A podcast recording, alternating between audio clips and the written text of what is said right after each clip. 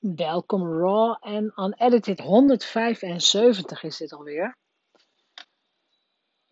En vandaag is het, op het moment dat ik dit opneem, het is 11 juli en de finale, de voetbalfinale tussen Italië en Engeland is in volle gang.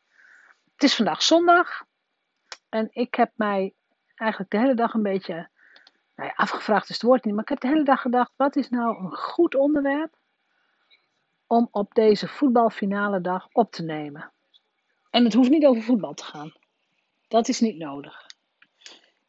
Deze aflevering wil ik het hebben over omgaan en presteren onder hoge druk.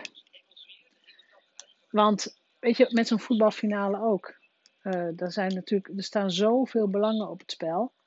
En er wordt heel erg veel verwacht van, in dit geval, de mannen die op het veld komen, die op het veld staan. Ook de mannen die ernaast staan, die naast het veld staan, de coaches, de, de, de medische staf en zo. Het is allemaal presteren onder super, super hoge druk. En als jij als ondernemer een sprankje ambitie in je hebt, en ik, ik hoop dat je dat hebt, en ik, ik wil dat je dat hebt, en ik ga ervan uit dat je dat hebt, dan gaan er momenten komen dat jij eh, nou, dat je aardig presteert, dat het lekker gaat en dat je de, nou ja, de lokale FC gaat ontstijgen. Je komt van de eerste naar de eredivisie, dus je gaat van een, bijvoorbeeld van een lancering van 8000 euro ineens naar multiple five figures. Dus je zit ineens met een lancering van 37.000 euro. En dan komt er een dag dat jij een six-figure launch gaat krijgen. Een lancering die meer dan 100.000 euro opbrengt wil niet zeggen dat al die honderdduizenden euro's meteen in één keer op je rekening staan. Hè, er zitten ook betaalplannen bij. Maar in totaal heb je 100.000 euro of meer binnengehaald aan klantwaarde. Je hebt een product ontwikkeld, je hebt een aanbod ontwikkeld, je hebt je lancering gedaan, je hebt marketing gedaan. Uh, je hebt er hard voor gewerkt. En het lukt. Dit is mij ook, ook gebeurd gelukt, laat ik het zo zeggen. Nou was mijn eerste lancering gelijk al 38.000 euro. Dus ik, bij mij is het in dat opzicht gewoon goed gegaan, lekker gegaan enzovoort. Maar er is een moment gekomen dat ik inderdaad een lancering van meer dan 100.000 euro draaide. 104.000 nog iets om precies te zijn. En dan gebeuren er twee dingen. Want ineens sta je dus in de, in de eredivisie van lanceerders, hè, om het zo te zeggen. Je zit ineens in een positie dat je denkt, nou, ik heb het voor mekaar, het is gelukt. Dus het is aan de ene kant trots, aan de andere kant de druk is dan ook ineens heel hoog. Want nou, je hebt ook veel verkocht, dus je moet ook goed presteren. En je moet ook waarde leveren voor wat je verkoopt. Dat is natuurlijk ook allemaal super, logisch. Dat eerste stuk, dat klinkt heel raar misschien, maar dat eerste stuk, dat gaat nog wel. En je gaat presteren, je gaat waarde leveren. Uh, je bent ook trots. Uh, nou ja, je bankrekening groeit. Dat is natuurlijk super fijn. Maar dan, dan komt er een volgende lancering. En dan wordt het heel interessant. En ik heb hier ook veel contact over met mijn, met mijn internationale business buddies. De lancering die na die eerste grote lancering komt, dus na die eerste grote doorbraak, dat is de moeilijkste. Dat is het aller, aller, allermoeilijkste. Uh, in mijn geval was het inderdaad een lancering, weet ik veel, die ineens 12.000 of zo opleverde. Ineens, ja, stukken minder. Een van mijn business buddies had het, had het nog, nou ja, slechter is een raar woord, maar die heeft ook de 100.000 euro lancering gehaald. En de lancering daarna was maar 6.000. Wat gebeurt hier dan? Wat gebeurt er met de druk in je hoofd, de druk in je lichaam, het geloof in jezelf. Ik heb behoorlijk lang een soort blokkade gehad op de 100.000 euro lancering. En ik ga je ook uitleggen wat er dan gebeurt, of waarom dat gebeurd is. Ik bedoel, op rationeel niveau kan ik het uitleggen. Op emotioneel niveau moet je dat dan weer op een andere manier verwerken. Maar toen ik mijn 100.000 euro lancering had, had ik ineens een grote groep deelnemers.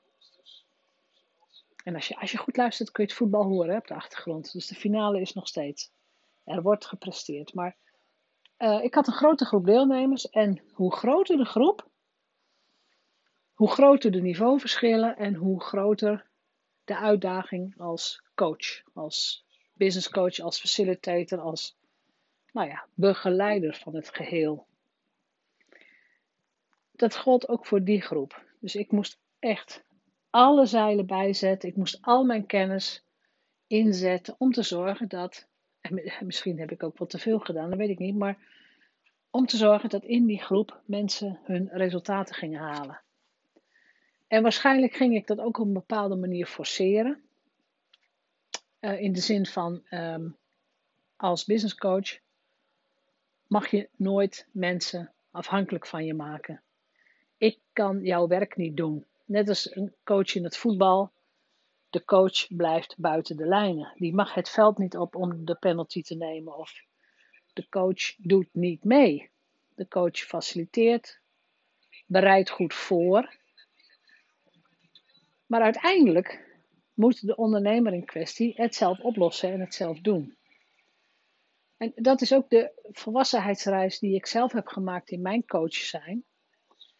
Ik heb me echt jarenlang persoonlijk verantwoordelijk gevoeld voor het resultaat van mijn klanten. Als het dan niet gaat, of als het niet lukt, dan trok ik me dat ook persoonlijk aan. En op het moment dat jouw klant voelt dat jij je dat persoonlijk aantrekt, dan wordt het eigenlijk van kwaad tot erger, want dan gaan ze nog meer bij jou neerleggen.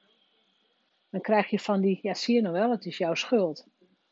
Je geeft niet de goede aanwijzingen, of je hebt de verkeerde video's, of uh, nou ja, je kunt van alles verzinnen, maar dan ineens is het, is het, is het jouw schuld dat zij niet presteren. Nou, en hoe aanlokkelijk is het om als deelnemer in zo'n groep om dat te gaan geloven? En dat voor mij heeft dat ertoe geleid, dus die hoge druk van die groep heeft bij mij ertoe geleid dat ik daarna heb gezegd van ik wil niet weer van die grote groepen. Dus dat, ik heb echt een tijd lang een blokkade gehad op die 100.000 euro lancering. Ik was bang om weer zo'n grote groep aan te trekken. En de enige remedie voor mij was zorgen dat ik een betere coach ging worden, dat ik een betere facilitator ging worden. Dat ik de grenzen duidelijk heb. Dat ik weet hoe de groepsdynamica in elkaar zit. Dat ik weet hoe de processen lopen. En ik bedoel, dat is ook volgens mij een ongoing proces. Maar die druk, uiteindelijk leg je die zelf op. Want wat er gebeurd is bij mij, sowieso tussendoor zit dan nog mijn internationale project, waar ik uh, veel van geleerd heb. Maar financieel gezien niet op vooruit ben gegaan. Vanaf eind 2019, begin 2020 ben ik anders gaan ondernemen. Ondernemen vanuit, alleen nog maar vanuit joy, joy, plezier en vertrouwen. Vertrouwen sowieso dat het goed is. Vertrouwen dat uh, klanten komen. Vertrouwen dat ik het goede product aanbied. Vertrouwen dat, dat ik de goede dingen doe. En vertrouwen dat er voor mij altijd klanten zijn. Er zijn altijd klanten die van mij kunnen leren, die in mijn groepen kunnen stappen en die ook sprongen maken. En dan kan ik hier natuurlijk uh, lekker een tijdje gaan uh, opscheppen over geweldige dingen die mijn masterminders in de afgelopen maanden voor elkaar hebben gekregen. Dat ga ik niet doen. Maar elk succes van mijn masterminder is ook een, een, voor mij een bewijs dat als ik maar faciliterend bezig ben en er ben voor de deelnemer op het moment dat het nodig is, dat ze dat dus uitstekend zelf kunnen. Dus ik ben niet, uh, als je het weer met voetbaltermen gaat vergelijken, ik ben niet de, de spits die een doelpunt maakt. Ik ben een soort spelverdeler slash coach. Ja, ik sta aan de zijlijn. Um, ja, ik denk niet eens dat ik in het veld sta. Nee, ik sta niet in het veld. Ik ben echt die coach die aan de zijlijn staat, maar die wel zorgt dat nou ja, dat de goede opstelling wordt gekozen. Dat, het goede, dat mensen met een goed team werken als ze dat niet hebben. Dat ze de goede beslissingen maken. Dat ze de goede voorzet geven. Het goede aanbod ontwerpen. Met de juiste doelklant werken. Eigenlijk het enige waar ik mee bezig ben is zorgen dat mijn masterminders zich de expert voelen die ze zijn. En als ik dat dan weer vergelijk met zo'n voetbalelftal. Ik, ik, ik zou het reuze interessant vinden om eens met een voetballer te spreken. Die gewoon inderdaad echt dit niveau gevoetbald heeft. Hè, dus echt uh, Europees kampioen, wereldkampioen, weet ik veel. Van wanneer, wat was het punt dat jij je inderdaad echt die eredivisie spelen voelde? Wat, wat moet er gebeuren om te zorgen, wat is er bij jou gebeurd om te zorgen dat jij je echt die profvoetballer voelde? Dat je dat op identiteitsniveau was. want al die jongetjes hebben ervan gedroomd en een paar van die jongetjes maken het waar. Het zijn er echt maar een paar die dat kunnen. En hoe ga je om met die druk? Hoe ga je om met die enorme druk die vanuit de hele wereld op je schouders wordt gelegd? Want als jij niet presteert, presteert het hele team niet. En dat is natuurlijk ook iets wat je als, als coach heel goed moet weten. Als ik niet presteer, in de zin als ik me niet prettig voel, als ik niet zelfvertrouwen heb, als ik niet het idee heb dat ik mensen verder kan helpen, als ik niet vanuit vertrouwen werk, ja, waarom zou iemand dan in godsnaam in een van mijn groepen stappen? Dat doen ze dus niet. Dus uiteindelijk ben je het aan jezelf verplicht om jezelf die expert te voelen. En als jij je nog niet die expert voelt, wat heb je nog nodig? Is het kennis? Is het ervaring? Is het ja, externe bevestiging? Is dat het? Is, is dat het echt? Of zit het misschien een hele laag dieper die je helemaal niet uit durft te spreken? Um, zijn het de stemmetjes in je hoofd van, van je familie die zegt: Ah ja, dit kun je toch niet, je bent niet goed genoeg. Of een partner die dat gedaan heeft. Als het nog steeds doet, dan uh, is het tijd voor een andere partner. Even tussen neus en lippen door. Maar wat gebeurt er met jou als je rationeel wel kunt zien van ja, ik ben die expert. Ik, ik wil die druk wel aangaan. Ik wil wel onder hoge druk presteren. En ik, wil, ik durf die ambitie eh, te pakken. En dan? Wat gebeurt er dan? Dus mijn beschouwingen bij, bij, nou ja, dit is dan een Europese finale voetbal. Het is ongelooflijk makkelijk om heel comfortabel vanaf je eigen bank hier naar te kijken en denken: oh leuk, wedstrijd. Ja, maar goed, daar staan dus nu wel 22 mannen in het veld, plus nog scheidsrechters en grensrechters enzovoort. Die staan daar. Maar achter elke speler zit een ongelooflijk systeem van eh, ouders die hun zoontje naar de voetbal hebben gebracht vanaf, weet ik veel, vanaf zijn vierde. Er zit een heel systeem van, van vertrouwen, van faciliteren, van supporten. Er zit ongelooflijk veel onder. Wat je ziet nu is een, ja, is het topje van de ijsberg, hè? de apotheose, hoe heet dat?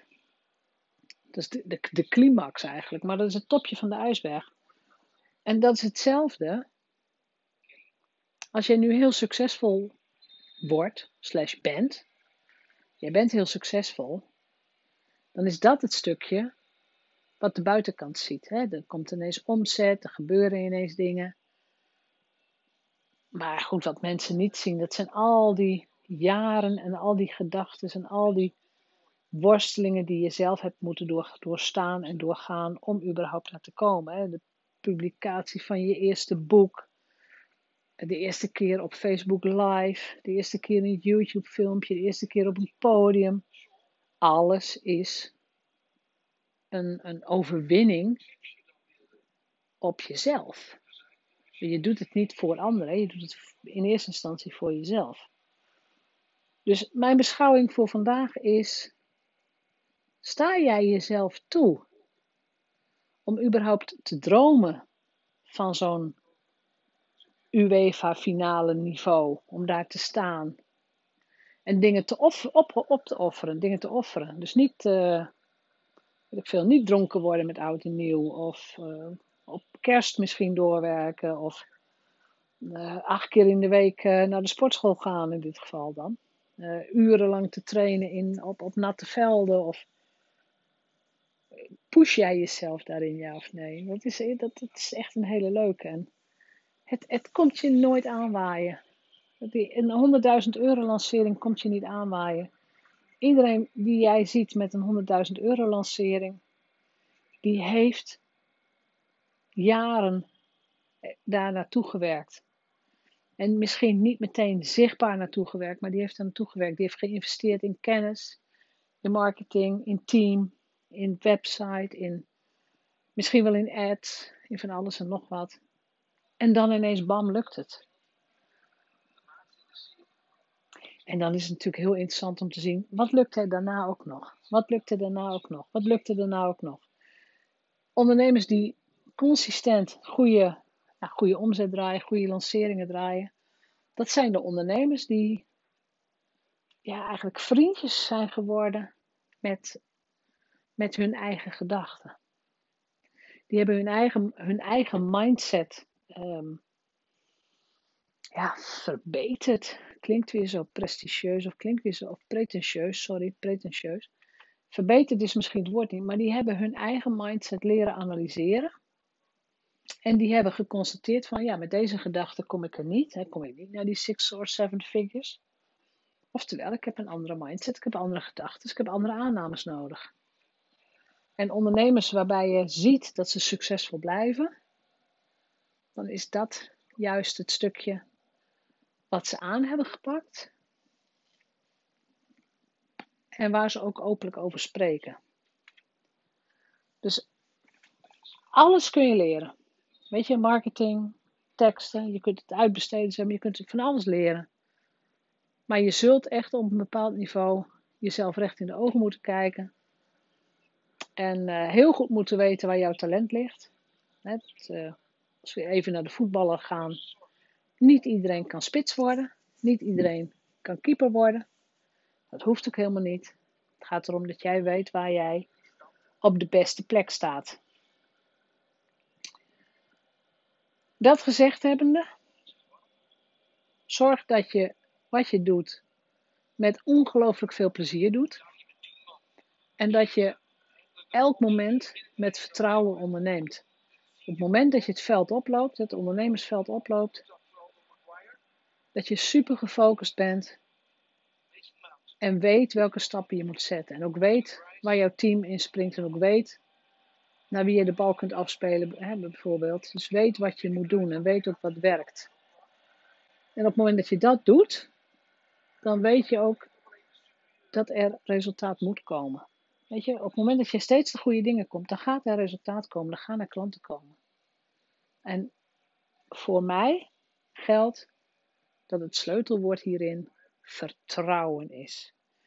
Vertrouwen in jezelf, vertrouwen in klanten, vertrouwen in het feit dat het geld gaat volgen.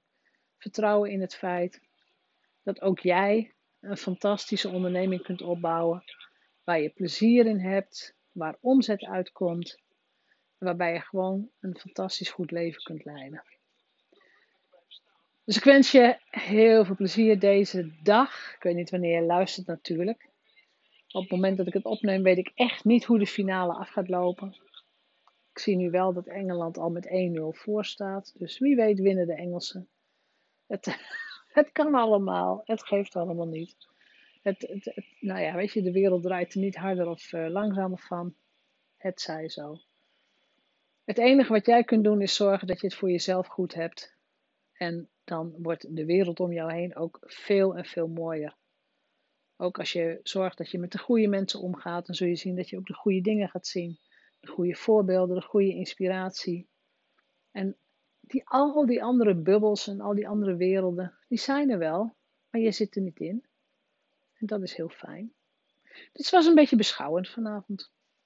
Ik uh, wens je veel plezier en uh, morgen ben ik er weer met de volgende Raw en Unedited. Doei doei!